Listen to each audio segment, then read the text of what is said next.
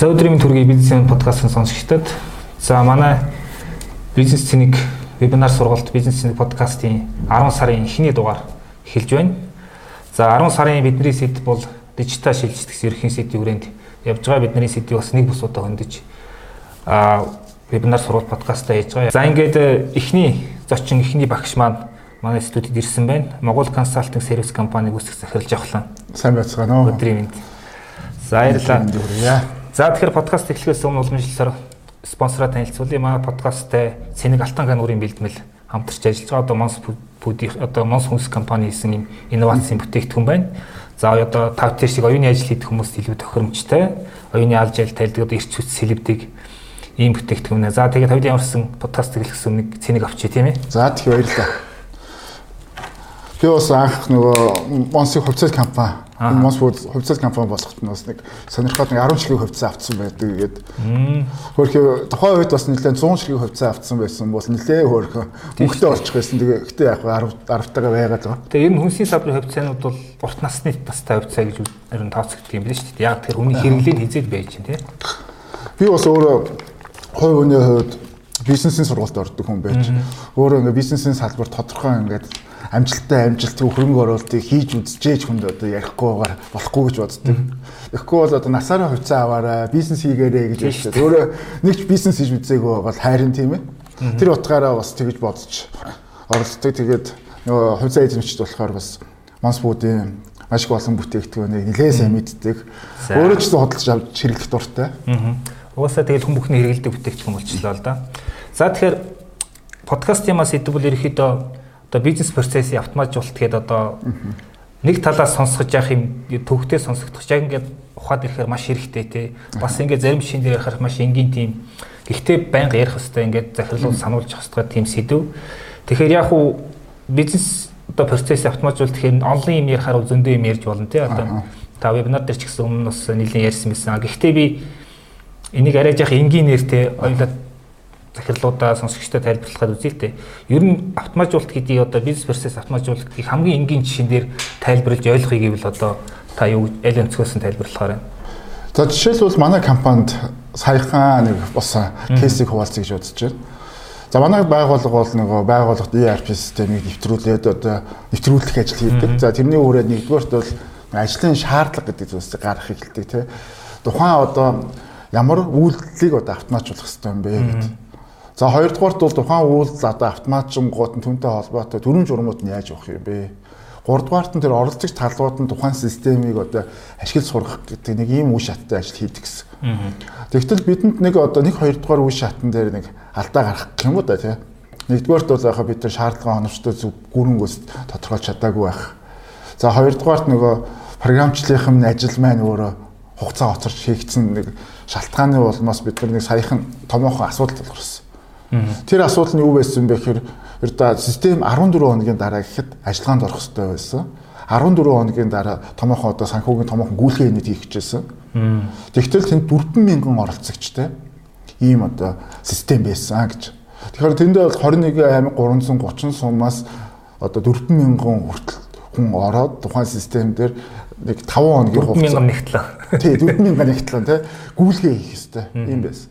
За энийг нэгдүгürt нэг сургалтын яаж хийх вэ гэд. Тэгээ манай уламжлалт одоо аргачлалаар үл юу вэ гэхээр эхлээ бид нар сургалтын материал боловсруулсан тий. За магадгүй тэр бол нэг ажлын нэг 2-оос 3 өдөр болох байх. За тэгээд нөгөө тухайн одоо бүс бүсээр нь очиод юм уу сургалт хийгээл даалгавар өгөөл хийлгээл ийм асуудал гардаг. За сургалтын материал бэлтгээ сургалтаа орсон дээр гарын авалга гал олон хуудас цаасан материалуудыг бид нэр хийдэг тийм ээ. Тэрийг одоо ингээд хевлээд ном тохимол болгоод ингээд аймаг аймаг сум сум руу хүргэдэг. Ийм процесстэй ажилтаа. Тэгээ энийг одоо бид нар 14 хоногт нэг төр хугацааны хувьд хийх болцоог бас. Тэгэхээр нэг ясандаа манай одоо ISIS гэж ярьдаг буюу яг одоогийн нөхцөл юм дор хаяж нэг сарын хугацаанд явдаг ийм процесстэй ажиллагаанууд байна гэж бодож. За 14 хоногийн дараа гэтэл чи бодтой гүйлгээ хийгээд энд одоо хүмүүс гар дээр мөнгө авах гээд байна да тийм гүйлгээ авч шилжүүлж байгаа нэг үүрэгтэй шилжүүлж авч байгаанууд нь бас нэг бизнесийн үйл ажиллагаагаа дэмжих юм шалтгаантай гэсэн. Тэгэхээр бид нар энэ төр яах вэ гэдэг юм асуудал гарч байгаа юм л да. За нэгдүгээр бид нар сургалтын материалыг презентац хийгээд хийгээ хүмүүст явуулж болох уу? Захин сургалт хийгүүл яах вэ гэдэг юм асуулт гарч ирж байна. За энэ ч ерөөсөө уламжлалт аргаар бид нар ковидоос сурсан нэг сайхан зүүмээрээ хийя гэдэг. За ингээд зүүмээрээ ингээд за ийм ийм хувааруудтай гэл нөө зүүмээрээ баруун бүсийнхэн тедэн шүү, зүүн бүсийнхэн тедэн шүү гэд ингээд хуваард гаргаад хийлээ. Тэгэл сайхан презентац явж байгаа асуух асуулт байна уу гэдэг. Бараг л тэнд оролцож байгаа 200 300 нэгэн зэрэг гараа өргөж шээ. Тэгээд асуултууд нь нэгэнд асуултаа асуухад дараагийн хүн дахиад тэр асуултыг давтагддаг асуулт нь томоош их байсан. Нэг ёсондоо хүмүүс нөгөө анхаар сонсохгүй шүү дээ би нэг. За магадгүй тэр дотор ингээд нөгөө биний яриа ч юм уу алдагдаад байгаа юм асуудал байгаа. Тэгэхээр бид нар энэ дээр ямар нэг шийдэл гаргасан бэ гэхээр энийг юусоо бид нар хүмүүс нэг асуултыг маш их олон давтчих асуух юм байна. Энд юусоо бид нар юм чатбот гэдэг юмар автоматжуулт хийя гэдэг ингээд. Тэгээд нөгөө мани чат гэдэг бид одоо гадны түүл байдаг. Энийг маркетингийнхэн бол маш сайн ашигладаг одоо баг та яаж ашиглаж байна гэдээ магадгүй харах юм бол за нэг одоо сонирхолтой өргөн хэрэглээний бараа бүтээгдэхүүнийг одоо худалдаж авахыг хүсвэл энэ дарна уу гэдэг энэ дарангуут нь хөрвүүлэх хаяга оруулаа мөнгөө ийм данслуу шилжүүлнэ үгүй QR код гардаг ийм автомат чад байгаа гэсэн хүний орцог явдаг. Тэрийг тохируулдаг ийм платформ гэсэн. Энэ хүрээнд нөгөө Zoom тэрийг бид нар ашиглахдаа бид нар сургалтын дээр ашигласан.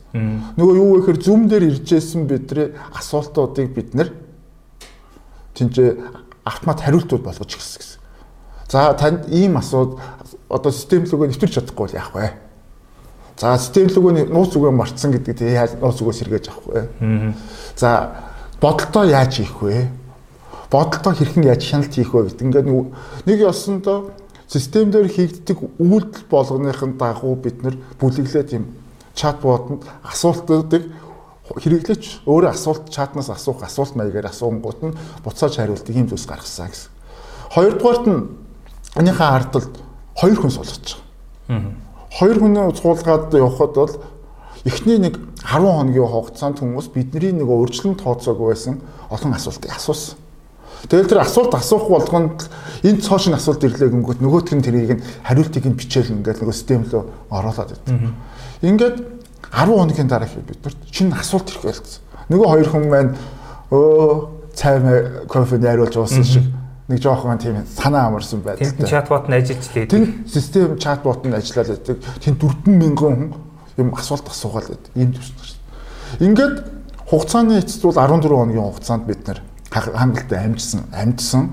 А гэхдээ хүмүүсээс авсан сэтгэл ханамж маш өндөртэй бас. Яагаад тэгэхээр утасны дуудлагаар бид нар нөгөө зүүмээр явж байхад болохгүй энэ утас руу яриараа гэхээр нөгөө утас нь тасралтгүй хангинаад утас хадлаад унтарч ийсэн. За энэ гарын хавлахыг уншаад үзээрэй гэхээр байхгүй штэ гэдэг юм олохгүй штэ гэдэг юм хариулт маш их олон хүмүүс ирж байсууд нь байхгүй болсон. Эргээгээд хүмүүсийн нөгөө хэрэглэгчийн уур бухимдал байхгүй. Уур бухимдалгүй болохоор чинь бидний зүгээс өө бид нар чинь ингээд смарт ажиллавал болох юм байна гэдэг юм зүйлсийг гарч эхэлж байгаа. Тэгээ энэ бол ингээ харах юм бол Магадгүй бид нар 50 60 сая төгрөгөөр сар хийгддэг ажлыг бид нар 14 хоногийн хугацаанд тэрнээс илүү өндөр үр дүнтэйгээр за 10 хүрэхгүй саяар хийсэн гэж хэлж болно гэсэн. А мэдээж бол бид нар бол хоёр хүнээ уртсан цагаар ажилласан. Ягаад тэгэхээр систем шин шин асуултууд эхний үед бол их иржсэн учраас хариултуудыг тэр болгон бичиж амжихгүй байсан. За нөгөө нэг автомат буюу компьютер автоматар хариулах болцоогүй асуултуудыг та түр хүлээж байгаараа бид нар удахгүй хариулнаа гэд тэнд нь нөгөө хүмүүс хариултаа бичээд сууж яадаг. За явцын тун тэр чинь цоошин програм учраас бас алдаа гарч байгаа. Алдааг засварлаад ингээ явуулж байгаа гэд ингээл 10 хоногийн хугацаанд үр дүнтэй ажилласан. Тэгээ магадгүй энийг ингээ бодох юм бол бидний сургалт ордог гэдэг зарчим маань өөрөө хүртэл автоматч ий боломжтой байна гэж гарч. Энийг заавалчгүй маркетингийнхан борлуулалтанда ашигладаг гэж ойлголт ойлголт биш юм байна. Ийм зүйлсээ хийж гисэн. Тэгээ энэ зүйл бол ингээ харахад бол энэ өдөр тутам хэрэглэл алдсан. Саяхан бас MSS Group-ийн охин компаниуд Intel Group байдаг. Тэгээ Intel Group саяхан ч гэж байгаа 2 жилийн өмнө Toki гэдэг аппликейшн дээр нэг хийсэн. Юу гэхээр шинэ ажилтны дасан зохицох хөтөлбөр гэж тий. Магадгүй би хамгийн сүүлд одоо ажилд орсноо бодож чинь 2016 онд ажилд орж исэн байна л да нэг ясанд өөр байгууллагад ажилд орж. Орсон чинь надад нэг юм 80-аад хуудас материал ингээ үзүүлж байгаа байхгүй. За жохлаан чи энэ бол манай одоо хөтөлбөрийн аюулгүй ажиллагаа шинэ ажилтан зориулсан манай хөтөлбөрт чамтай холбоотой бичиг баримтууд байгаа. Чи энийг одоо энд суугаад уншаад тэгээд уншиж танилцсан гэдэг тэр гар үсэг зургаараа гэдэг. Нэг осондоо тэр юу вэ гэхээр хөтөлбөрийн аюулгүй байдлыг сахиулахгүй бол хабаас бид нар асуудалд орно гэдэг нэг осондоо хүний нөөц одоо хабын ажилтнанд тэндээ өөртөө хамгаалт хийгдсэн ийм процесс дөрвөн журмт. Гэтэл энийг одоо Unitel Group нь өөрсдийнхөө хөгжүүлсэн Toki гэдэг аппликейшн дээр шинэ ажилтан дээр трийг нь бас би шинэ ажилд ороод хамгийн түрүүнд хаан бүртгүүлэх ёстой вэ гэдэг ч юм уу тий. Би хабын хувцс хэрэглээ хинээс авах вэ? Би хабын хувцс хэрэглэл мэдээж авахын тулд мэдээж одоо хувцсны хэмжээд ямжаа өгөх тийм үү? Тэгвэл хэмжээгээ яаж өгөх вэ? Аа хэмжээнд ингэот XL 100 105 гэдэг ч юм ингээд форм бүглэнгүү тэрэнд нь хариуцсан ажилтнанд бүртгэл нь яваад очих юм л да. Шинэ ажилтнанд шавхлан яваад ирсэн юм байна тий. Ажилд орсон юм байна энэ хүний хувцсны хэмжээ нь юм байна. За тэгвэл энэ тетэн сарын тетний өдөр тэндээс ирж аваарай гэдэг чинь ингээд хариу үний орчих юм шээ гэсэн. Тэгэхээр энэ ч гэсэн ингээд өөрөө автомат. Нөгөө нэг 80 ууц чинь чатбот болгох болох гэдэг шүү. Болно шүү дээ тийм. Ягаад тэр 80 ууц хөдөлгөөнгөө гэсэн үг шүү дээ тийм.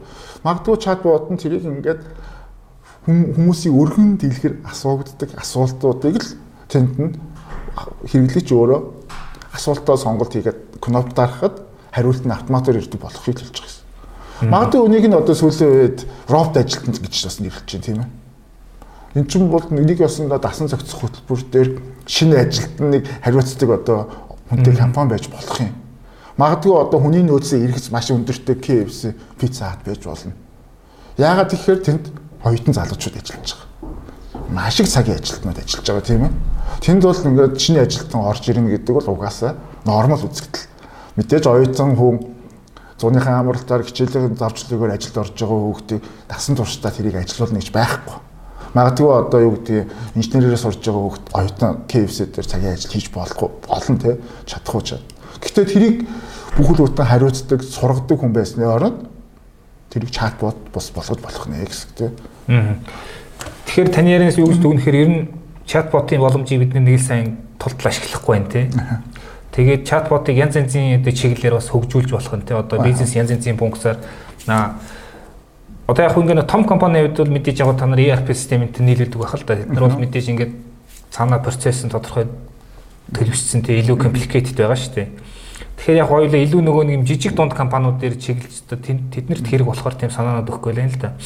За манай одоо юу гэдгийг компани олонх нь бол одоо худалдаа үйлчлэгээний салбарт те тэнд ингээд харахаар үүдий одоо заа санхүүгээс эхлүүлээд нэгэн тийм тодорхой болцсон процессын харьцангуй ойлгомжтой байдгийн юм дээр илүү тийм автоматжуулалтын боломжууд хийх болох юм шиг харагдаад байгаа. Тэгэхээр энийг яг нь хөдөлთა үйлчлэгээний компаниудыг аваад үзэхээр ямар функцуудаа илүү тийм одоо чатботоор чинь өөр ямар нэгэн аргаар автоматжуулвал илүү үр дүнтэй байхаар байна. Та энэ дэр зүгээр одоо харилцагчдаас хийсэн ажиглал ч юм уу, ер нь хийсэн ажиглалтаас уулзвал За мэдээж бол дистрибьюшн гэж яригддаг бизнесүүд тий. Ялангуяа одоо ингээ CEO GS25 гэдэг маш их олон салбартай. За салбар болгон дээр нөгөө брендийнхаа нэр хүндийг алдахгүй өрөлт нь яг оновчтой зүг байх хэрэгтэй. Тим бизнесүүд их байна. За магадгүй одоо Монсын цэник тийм ээ. Энийг одоо тэр үүтэнд хоол хүнсний гол тавих юм уу? Эсвэл хөргөчн тавих юм уу? За эсвэл одоо өөр юу гэдэг арх согтууруулах ундааны бүтээгдэхүүнтэй хамт тавих юм уу гэдэг. Энэ бол өөрөө брендинг бодлого тийм ээ.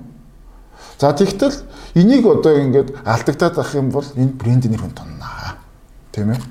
Магадгүй одоо CEO-д одоо нэг кек нийлүүлдэг ч юм уу те нэг хуушур хийгээд зардаг нийлүүлдэг юу гэж болно. Жижиг дунд бизнес байж л. Тэндээ хяналтаа хийхгүй магадгүй тэнд алдаа гарсны улмаас таны брендийн нэр хүн тонол яах вэ? тэндээс буруу хадгалалт хийгдснээс болоод магадгүй тийм ээ.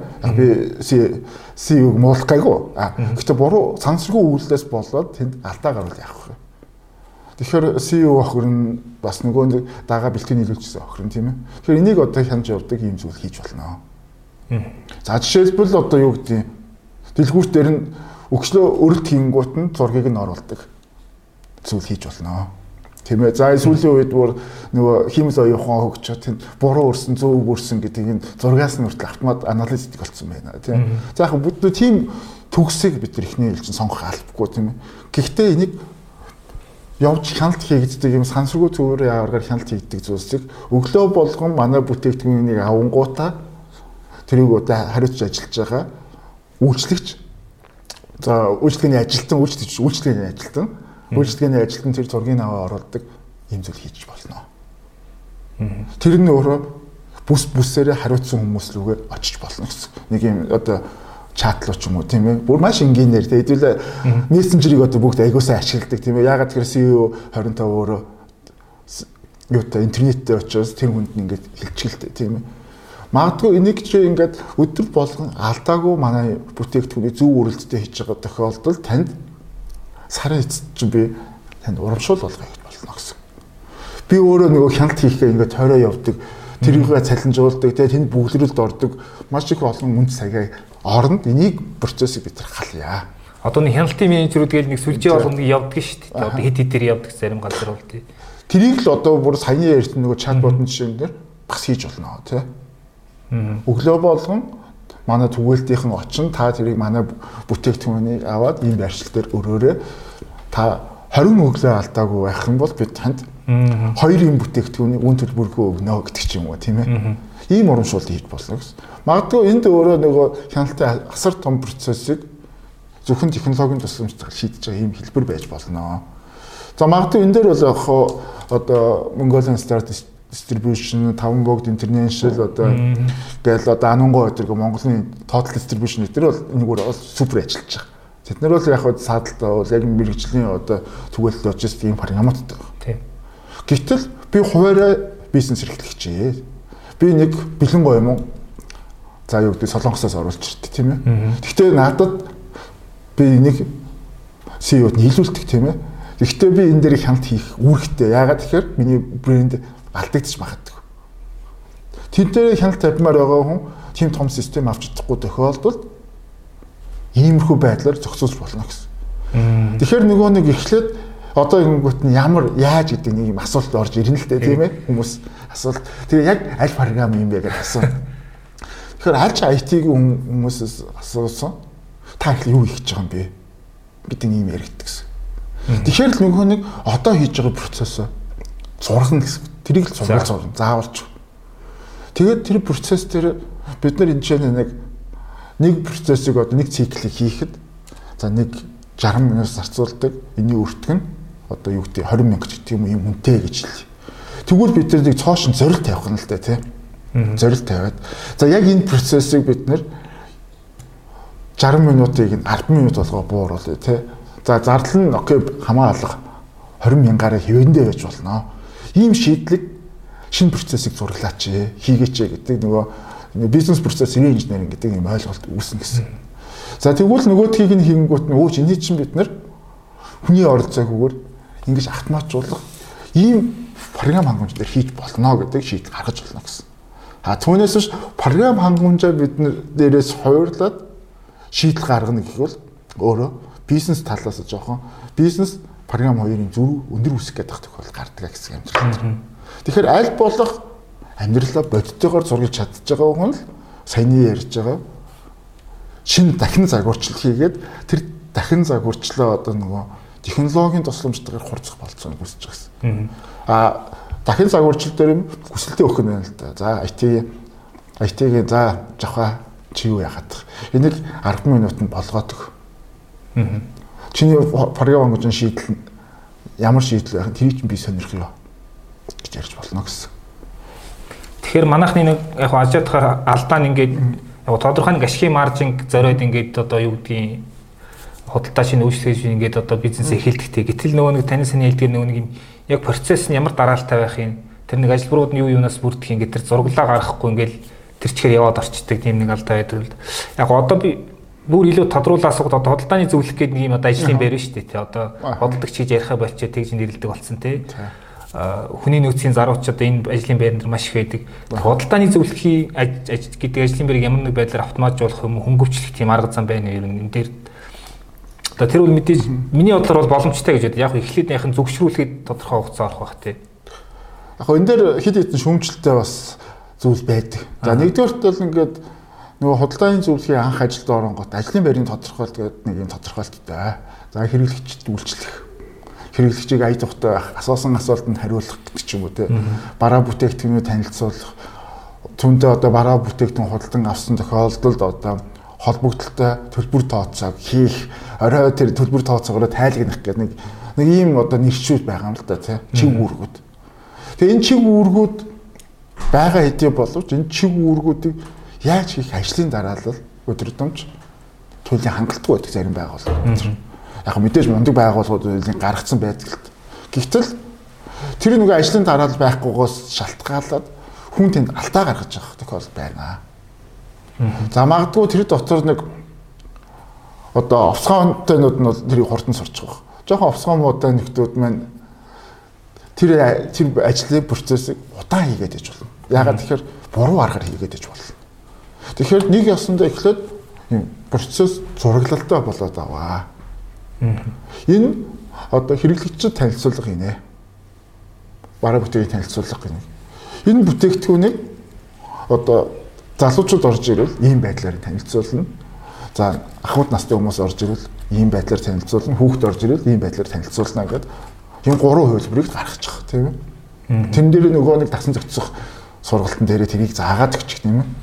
За танилцуулга хийгээд дууссаны дараа ийм зүйлийг хийнэ гэдэг нэг ясандаа customer journey гэж нэрэд байгаа тийм. Нөгөө хэрэглэгчийн аялал гэдэг юмд нь тохируулаад тэр ажилтнда процессын дагуу тэр юуг процессыг нь зураглаад өчгөө. Тэрнийхэн дагуу гарын авлагуудыг заагаад өгч. Тэгэж эхний ээлжинд чадаад химжээд эхлэе тий.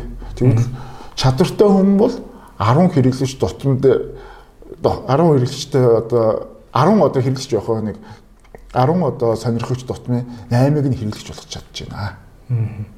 Тэгвэл одоо шат шинэ ажилтан бол одоо 10 дутмаас 4-ийг нь ч юм уу 40% магадaltaйгээр одоо хэрэглэж болж байна. Тэгвэл хэрхэн яаж давтан үйлчлүүлэгчээ бид нэр одоо нэг ясна манай процессор ажиллаас дадал болсон хүмүүсийг яаж автоматлуу шилжүүлээд нөгөө өндөр чадвартай ажилтнаа цоошин хэрэгчлүү явуулах вэ гэдэг ч юм.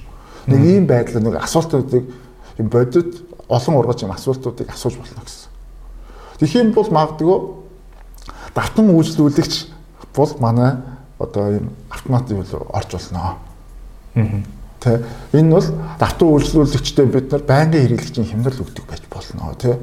Гэхдээ байнгын хэрэглэгчийн хямдрал нь 10% хямдрал байж.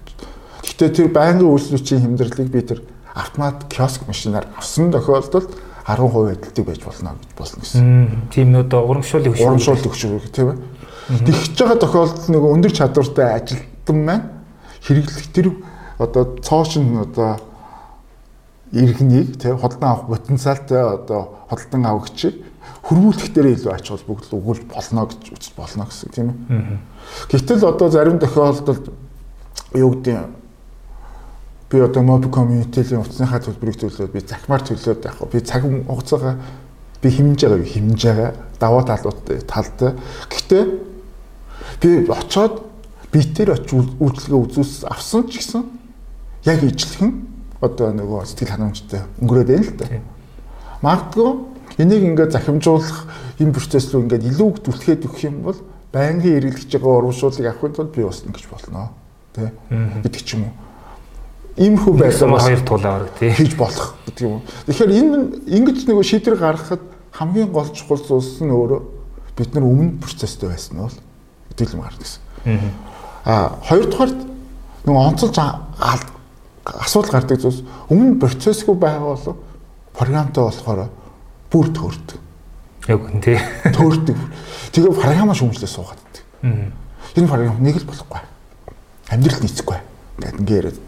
Гэвтэл мэдээж програм зохиож байгаа хүн ямар тохиолдолд одоо буруу буруу юм зохиохыг хүсэхгүй ч дээ тий.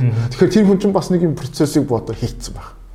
Гэхдээ тэр процесс нь таны бизнестэй нийцэхгүй байгаа тохиолдлыг тухай ярьж штэ. Тэгэхээр нөгөө программыг шүүмжлэл шүүмжлэхээс илүү тэр манайх ямар процесстэй энэ програм нь ямар процесстэй энэ процесс манай энэ процессыг 10 одоо алхамтайгаар үйлдэх даалгаврыг энэ програм 5 үйлдэлтэй болгож бууруулж чадах юм уу те. За тэгвэл 5 үйлдэлтэй болгож бууруулж байгаа юм бол манай ямар ямар үүргүүд мань хасагдчихж байгаа юм бэ? Магадгүй програмтай болонгууд цоошин үүргүүд бий болж эхэлдэг. Зарим ихний үед бүр ажил нэмэгдэх юм шиг баг тий. Тийм нэмэгдэн. Ягаад тэгэхээр магадгүй тэр 10 үйлдэлтэй ингээ бүтэн цагаад бүтэн ажил 8 цагаар зарцуулаад дуустдаг байсан чинь нөгөө 10 уулынх нь 5 нь байхгүй болоод тэгтээ цоошин 5 үйлдэл нэмэгдэж болно гэсэн тийм ээ. Тэгэхээр чи нөгөө өмнө хийт дадсан байсан ажлаа орхиод цоош нь 5 үйлдэлийг сурах ийм хэрэгцээ болж байна гэсэн. Тэгэхээр чин тэрийг мэдээж хүн чинь цоош нь дөнгөж сурж байгаа юм чи ажил сурахгүй шүү дээ тий. Тийм аа компаниуд чинь ингээл нэг өмнө ингээ нэг ажил хийж исэн хүн дээр нэг шинэ одоо юу нэмэл те. Одоо энэ мэдээллийг чи заавал одоо ингээ бүртгэж байгаа ингэүүд нөгөөх маань за за энэ ч яг уу дараа нь гэл нөгөөх ажил нь үндсэн ажил руу хуучин аргаараа хийгээ явдаг тийм байдаг шүү дээ. А танах тэгэхээр бас янз янзын харилцагчтай ажилдаг байх. Ер нь яг зарим тохиолдолд нэг бизнес процессыг өмнөөс нь баг одоо зурж өгөх тийм ажил их гардаг бах тий. Ямар ерхэд ямархуу нийтлэг алдаанууд гараад энэ компаниуд дээр. Яг хоо компаниуд дээр бидний гаргадаг нэг юм хүндрэлүүд нь болохоор нэг ийм зүйлс байгаад. За ингээд танай процесс чи Ингээд за нэгдүгээр нөгөө ярилцлагын аргаар нөгөө процессыг нь тодорхой төвшин зурлаж байгаа. За хоёрдугаард энэ процесс ч одоо мэдээж том компани дотор тэр процесс оролцох талууд маш их олон хүмүүс байна Хоёрдугаарт нь нөгөөдгийн бичиг баримтын шинжилгээ хийгээд үзье. Тэгэнгүүт нөгөө процесс нь дөрвөн журам дээр шал өөрөөр заасан баг жишээ. За ингээд бичиг баримт нь зөв юм уу? Нөгөө яваад байгаа процесс нь хүмүүсийн ярь дадсан дадлан зөв юм уу гэх тээ. Ингээ харахаар гэж асуулт асуугаа. За бичиг баримт дээр харуул танах ийм зургалтай ажилт юм. Амьдралын чинь дадлаарыг харах юм бол ийм зургалтай аливаагаар нь юм гэхээр яг голынхаар нэгээд 3 дахьын зурвалт гэх аа. Тэгээ 3 дахьын зурвалан гот нөгөө мэдээж тэр чинь тэр процессыг бид нар чинь цоош нэр сайжруулах гэж байгаа учраас тэрийг баталгаажуулах гэдэг нь үйлдэл шүү дээ. Яг танах ингэ тийм үг асах баталгааж баталгаажуулж өгч чаддаг. Наадах чи одоо зарим тохиолдолд яг ингэ явдаг, зарим тохиолдолд ингэ явцдаг аа гэдэг.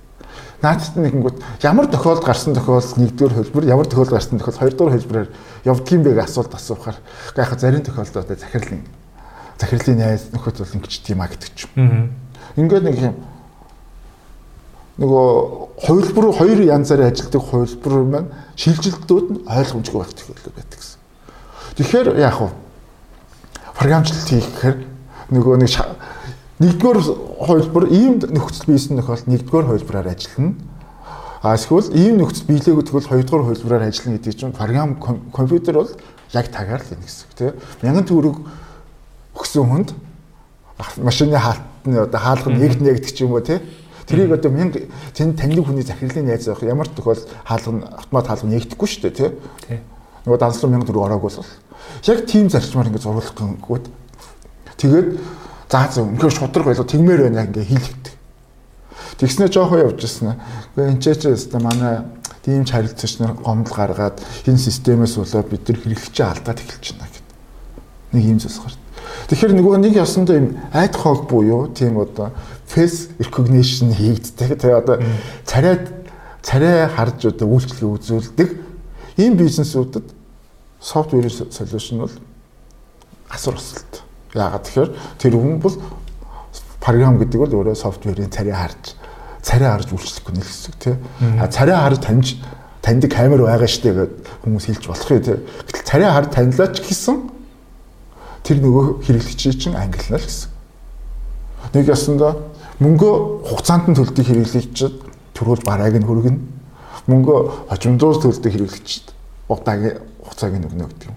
Гэтэл магадгүй тэр дотор дата дотор нь өгдлөө бид нар гэтээ урт хугацаанд хамтран ажиллаж байгаа хэрэглэгчид бол мөнгө хожимдоо төгдөх байсан ч гэсэн бараг нь хүргэж өгднө гэдэг даалгаврыг л тэр компьютерт машинд оруулж өгөхгүй бол тэр нэг ясанд төрүүлт мөнгө өгсөн л бараа хөргөлт яваад байна гэсэн үг шүү дээ.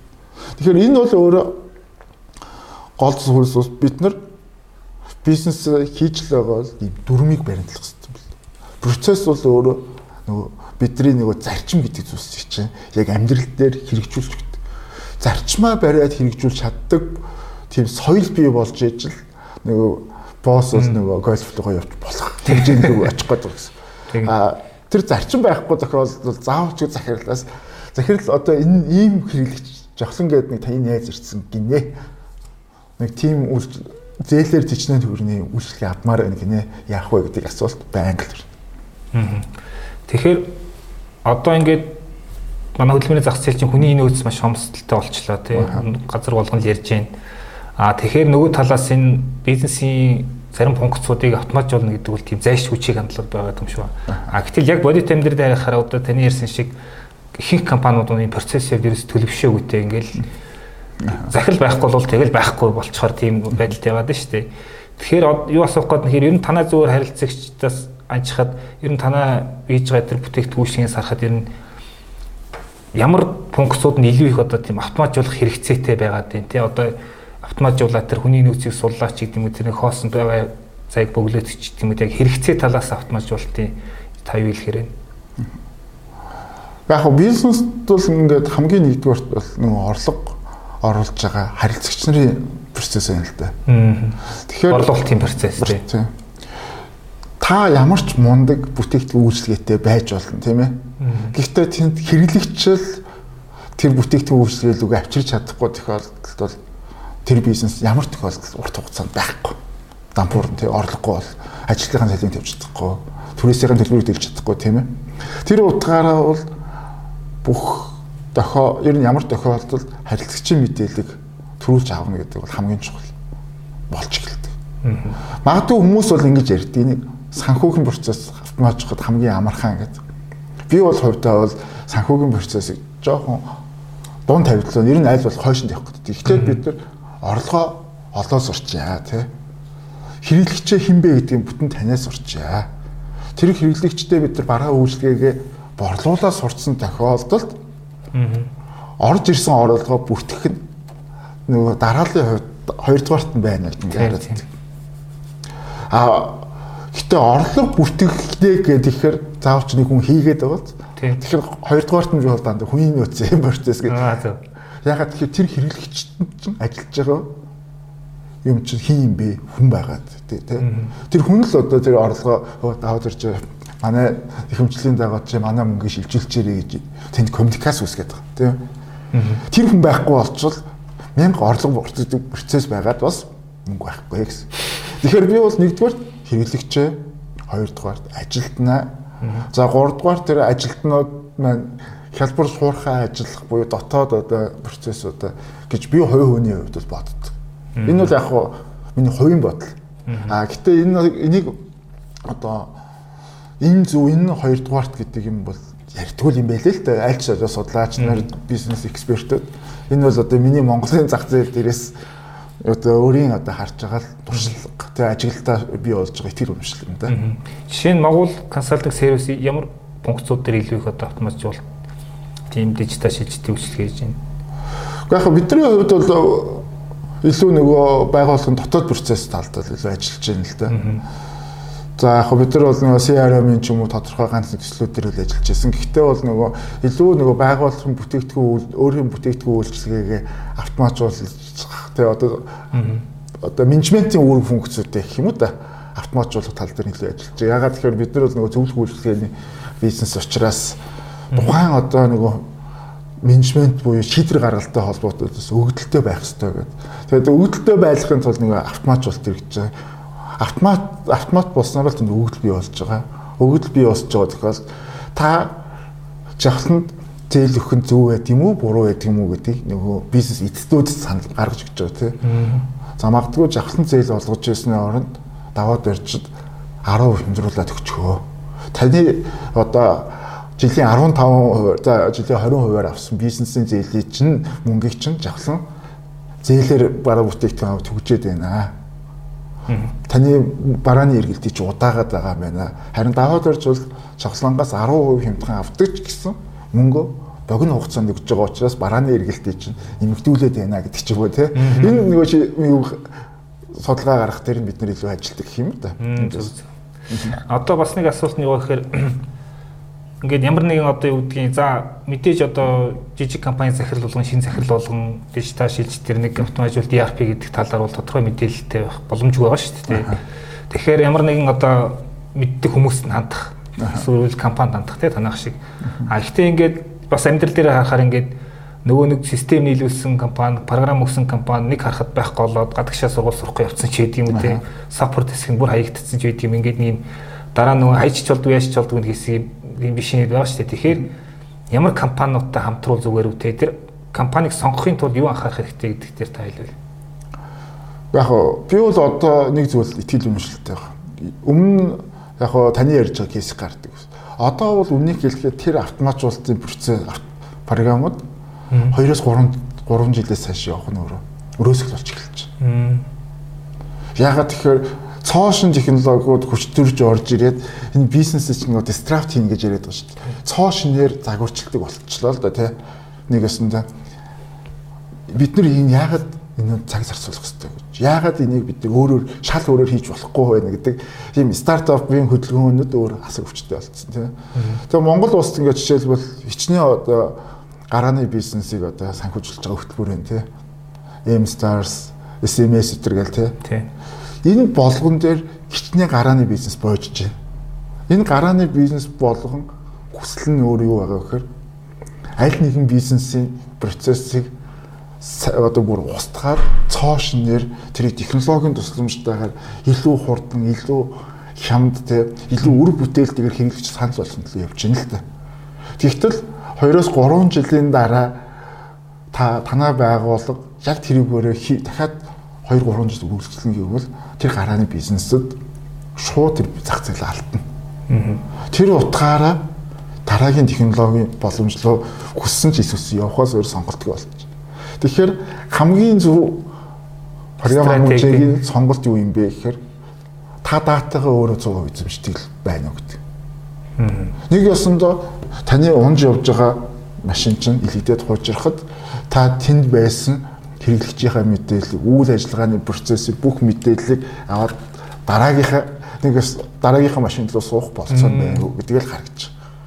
Өөрөөр хэлбэл ямар програм байх нь чухал биш одоо тэнд байгаа мэдээлэл авч үлдэх нь чухал байгаа шүү. Тэгээ тэгтэл одоо бас нэг юм зарим тал дээр этикгүй гэж яриад нөгөө хэрэглэл юу гэдэг одоо програм зохиогч компани өмч битээр байгууллагын одоо датаг ингээ авчиж цойдлцоод өгдөгөө ийм газруудтай бити ажиллаа гэж хэлж байгаа. Ямар тохиолдолд тэрийг програмаа өдөр ашигласан байж болно. Ашиглаж байгаа хугацаанд төлбөрөө төлж болно тийм ээ. А гэхдээ тэр өгдөл нь бол танаа би таны бизнесэж юм чи юм а. Түүнээс бол тэр програм зохиогч юм биш юм а гэдгийг хатуус ойлгох. Анх удаа гэрээ контракт яхахтаа тэрийг л анхаарах. Тэрийг л анхаар тий. За баярлалаа. За тэгэхээр сонсогчдоо сануулхад подкастын хамтрагч Цэник Алтан гамурын бэлтгэл ажиллаж байна. За бас нэг юм чухал асуулт үлдээд байгаа нь одоо клауд технологи бол ихэд ингээд everywhere болчихлоо шүү дээ тийм. Ялангуяа одоо зүгээр миний ажилласнаар юм жижиг дунд компаниуд төр илүү тохиромжтой. Одоо яагаад гэдэг дээр та хэлвэл гэхдээ тэд нар чинь бас цаана бас нэг бидний бас датаг бас цаана бас нэг ашиглах байна уу юу гэдэг тийм болгоомж бас яваад байгаа шүү дээ. Энэ дээр зүгээр клауд технологийн тал дээр яг та нэг плюс минус гэж хэлвэл. Яг мэдээж энэ бол сүүлийн одоо 10 жил гарагийн хугацаанд бизнесийн салбар буюу хувь хүний салбарт ч гэсэн асар том хурдтай өөрчлөлтийг авчирсан технологийн шилжилт мөн үгс мөн. Энийг ашиглахгүй явна гэвэл хайрын те. Нэг ёсонд тоошин ланд 300 гарч одоо ингээд аваа гэдгсэн чи үгүй би нөгөө явц сурсан борин тэргээрээ л одоо явчих. Офс явчих гэдэг тэгээд байгаатай л адилхан гэсэн үг. Тэгэхээр бол энэ дээр бол энэ энэ одоо технологи руу бол одоо суух ёстой юу? Буюу тэр энэ галт хурдны галт тэрэг энэ байна. Энэ галт тэрэг суу гэж. Аа мэдээ суухта хурдны галт гэдэг учраас төлбөр мөнгөтэй тий. Та тэнд туул ажиллана гэдэг ойлголт байхгүй. Нэг ясандаа бидний нэг 10 одоо 10 20 жил өмнө оюутан байхдаа нэг автобусанд туул ажиллаа кондуктор ирэх чимхүүлдэг юм шиг ямар ч болцсон байхгүй. Тэгэх юм бол та өөрийн бизнесийнхаа бүх ноу хавыг халтна. А та харин энэ суугаад төлбөрөө төлөөд сууж байгаа тохиолдолд шаардах хэрэгтэй үүсгэнэ л гэж ойлголт. Тэгэхээр нөгөө цаад клауд технологи маань өөрөө ямар одоо аюулгүй ажиллагаагаар баталгаажсан тэр байна одоо цаашдаа одоо хин тэр аюулгүй ажиллагааг нь хянаж байгаа тэн дээр л ач холбогдол үг тий. Магадгүй таны өгдөл датаг ашиглаж болно. Ашиглахдаа тодорхой судалгааны зорилгоор одоо салбарын дүн гэдэг ч юм уу ийм зүйлд ашигланаа. Тэгснийхаа төлөө таны төлбөрөөс чөлөөлдөг байна гэдэг ч юм уу. Ийм нөхцөлтэй тохиолдол бас зөвшөөрж болно. Тийм ээ. Түүнээс ч эргэн даваад ирж ин гэдэг мэдээллийг аваад гурдж тэгээд зарах тухай ойлголт бол угаасаа нөгөө хувийн нууцны тухай ойлголцсон хариулдаг гэсэн. Тэгэхээр энэ энэ дээр бол хаашаага ямар технологиор хамгаалагдж байгаа тэрийг судалгаа хий. Миний датанд яг ямар ямар датаг ашиглана гэж тооцож байгаа тэрийг нь тодорхойлож байгаа. Тэгээ эцсийн дүндээ бол би одоо нөгөө зөвлөх үйлчлэгээ үзүүлж байгаа бүх компаниудад эхлээд нөгөө үйлчлэгээ авах гэж байгаа бол үйлчлэгээнийхээ талаар ойлголтоо та нэмэгдүүлээ тий. Тэгэхээр би бол эхлээд манайх бол ямар тохиолдолд эхлээд зөвлөх үйлчлэгээ үзүүлэхээс өмнө заавалч сургуульд эхэлж орд. Сургуульд ороод хэрвээ та энийг нэвтрүүлэхэд буруу гэж бодож байгаа бол тэр онлыг нь цаагач тий. Тэгээд сургалтынхаа өрөөнд ирж онлыг нь заагаа явчих. Энэ буруу гэдэг ингээд шүүмжлээд байгаа нэг онлынхын дагуу шүүмжлэл хий гэж ингээд Хэрвээ таны тэр шүүмжил чинь тэр нь онлынхын дагуу үнэн бодтой байж чадахгүй бол та өөрөө буруу бодож байна. Тэгээ энэ чинь онл гэдэг чинь маш их олон хүн одоо яриад баталсан имийг шүүмжлээд байгаа хэлбэр шүү дээ тий. Гэхдээ та нэг үнэхээр тэр хүн смарт ухаантай байгаа шүүмжилж байгаа бол окей тий. А гэтэл үгүй бол одоо болоо. Инхээр нэг байгууллага нэг ойлголттой болоод эхлэхээр илүү нэг зорилтын төлөө хамт ажиллаж эхэлдэг. Тэгээс бол Гүй наад тэгдэггүй юм те. Ер нь ингээд энэ цэник гэж бэлтгэл байхгүй юм. Ингээд өчнөө олон одоо шинжлэх ухааны эрдэмтдийн гаргасан юмыг би итгэхгүй гэдэг ингээд хүн яриад иж болохгүй л гэсэн. Тэгэхээр тэр бол өөрөө хамт олон өөр онцлог эвддэг. Тэр болохоор эхлээд гэж байгаа та энэний талаар судалчих те. Хамт судлаа. Яаж хийсэн энийг судалсан энийг судалчаад дараа нь шүмжлээ хэлээ гэдэг ийм зарчим дээр барьж байгаа. За яа. За тэгэхээр сүүлийн асуулт байна. А одоо монголчуудын хамгийн өргөн ашиглаж байгаа платформ бол Facebook байна те. Яг уу Google тодорхой хэмжээнд бас явж байгаа. А Facebook нь бас ажиадахаар сүүлийн үед ингээ нөө бизнесийн юу руу маш хүчтэй орж ирж байна л та. Тэг зөвхөн одоо пэйж үүсгээд тодорхой постууд тавь явна гэдгээс хамаагүй л өөрөө өргөн ойлголт болоод шүү. Энэ ер нь цааш дээр нь яах вэ? Ер нь бид нар Facebook-ыг бизнестэй яаж илүү одоос үр бүтээмжтэй бас автоматжуулаад яаж дооновчтой ашиглаж болохоор энэ дээр танд ийс ажиглалт байгаа юм. Яг энэ та ажилд байгаа юу гэсэн учраас би хувийн ажилтыг ярьж байгаа. Энэ бол бас чатботоос бас ярьж болно шүү дээ. Тийм манай компани албан ёсны байр суурь бол биш. Тэгээ хувь судлаачийн байр суурь гэдэг ингээд айгу сүртэй бас хариулдаг гэж. Яг Facebook цаашаа яаж хөгжих вэ. Ингээ харахаар бол мэдээж бол ингээд том шилжилт явагдчих. Өмнө бол ингээ Facebook бол ингээд нэм харилцаа холбоо 6 6-ны шин чанартай байсан тийм Тэгээ энэ бол одоо бид ингээд намайг одоо баг ингээд 20 тай байхад л Facebook ч одоо 24 23 4-тэй байхад гарч ихэсэн. Одоо ч сүүлийн бич бараг дэвшүүлж гин гэхэр чинь тэгэхээр 15 6 жил нэтгэвтэй ашиглаж байна. Анх бол одоо Facebook дээр тодорхой хэмжээнд ингээд би найз нөхдөйгөө холбоотой байх зугаат зорилгоор ашиглаж байна. Одоо ингээд сүүлийн 2 3 жилдээ харахад бол би хайлтын системийн зорилгоор ашиглаж байна. Юу вэ гэхээр тэнд миний одоо юу гэдэг бараа бүтээгдэхүүн нэг юу гэдэг би одоо нэг утасны кейс авах гэж байна гэж бодъё тий. Тэгтэл энэ кейс нь зүгээр юм уу? Энэ кейс нь зүгээр юм уу гэдэг ингээд би сонголт хийж чадахгүй тохиол фэйсбүүкээр ороод энэ кейсийн талаар мэдээллийг аваад энийг ямар ямар байгууллагад оруулж ирж байгаа. Энийний талаар хэрэглэгчдэр юу гэж үзэж байгаа юм гэдэг тэрний талаар л одоо хараад би нэг сонголтоо өгтөл ашигладаг ийм платформ болчлаа л да тий. Тэгэхээр энэ бол бодиттойгоороо бол энэ бол нөгөө нөгөө viral гэдэг одоо ам маркетинг тийм word of mouth гэдэг одоо энэ маркетингийг бол бодиттойгоор хийгдэж байгаа юм маркетинг. Тэгэхээр тэр нь алгоритм болцсон ажиллаад шүү. Бүр тэр нь бүр ингээд бүр алгоритм болцсон ингээд үнэн супер төвшөнд ажиллаж байна тийм. Тэгэхээр энэ бол ингээд ийм одоо зугаат сингэлийн хэрэгслээс бол албан ёсны худалдааны систем болоод илүү одоо B2B, B2C гэдэг ийм зарчим руу бол би шилжих болов гэж хувьдаа бодсож байгаа. Аа тэгээд яг хаа Хүүхдүүдийн хувьд бол манай хүүхдүүд ч ярьж байна те. Facebook яагаад эргэлж байгаа аав ээжтэй холбогдохын тулд тэгээ те. Тэгэхээр бол нөгөө хүүхдүүдийн хувьд бол нөгөө баг утасны харилцаа холбооны хэрэгсэл болж байна. Тэгэхээр энэ энэ зүгээр үйлдэл нь бол ингээд айжмдаа одоо биднийг одоо нас өндөр болох тусам бол улам бүр одоо харилцаа холбооны хэрэгсэл бол байхгүй болж эхэлсэн. Тэгээ энэ бол зөвхөн одоо юм худалдааны том одоо бүтээгдэхүүн үйлчлэгээний том танилцуулга болдог юм платформ болох юм болов уу гэж. Тэгтээ ингээд өхөөл датанд амар суурилсан те ингээд би бол тэн дээр л одоо тийм л зүгээр ажилттай. Магадгүй би одоо юу гэдэг нэг 15 жилийн дараа хүүхдтэйгээ нэг чадлах хэрэгцээ гарахгүй байх. Тэгэхээр бол манай хүүхдүүдийн үеэс бол ингээд харьцаа холбооны хэрэгсэл нь бол улам бүр байхгүй болох байх. Ягаад гэхээр тэд нар бол өөрсдөө өөр юмар холбогддог те байгаа. Ягаад фэйсбүүкийг ашиглаж байгаа нэхэр аав ээжтэйг холбогдохын тулд. За баярлалаа. За тэгэхээр подкастын дугаарыг нэмрээд өндөрлөе. Манай өнөөдрийн зочноор Монгол консалтинг сервис компаниг үүсгэх захирал Жавхлан оролцлоо. За тэгээд манай ивент тэтгэгч Цэник Алтан гамрын бэлтгэл ажилласан зам мөн зочиндоос энэ бэлтгэлээс бэлгэлье. За их баярлалаа. За баярлалаа. Монс Фүүдийн хамт олонд ажлын амжилт хүсье. Тэгээд 2023 оных нь бизнесийн тайлан хүлээж байгаа. За баярлалаа. За баярлалаа. За.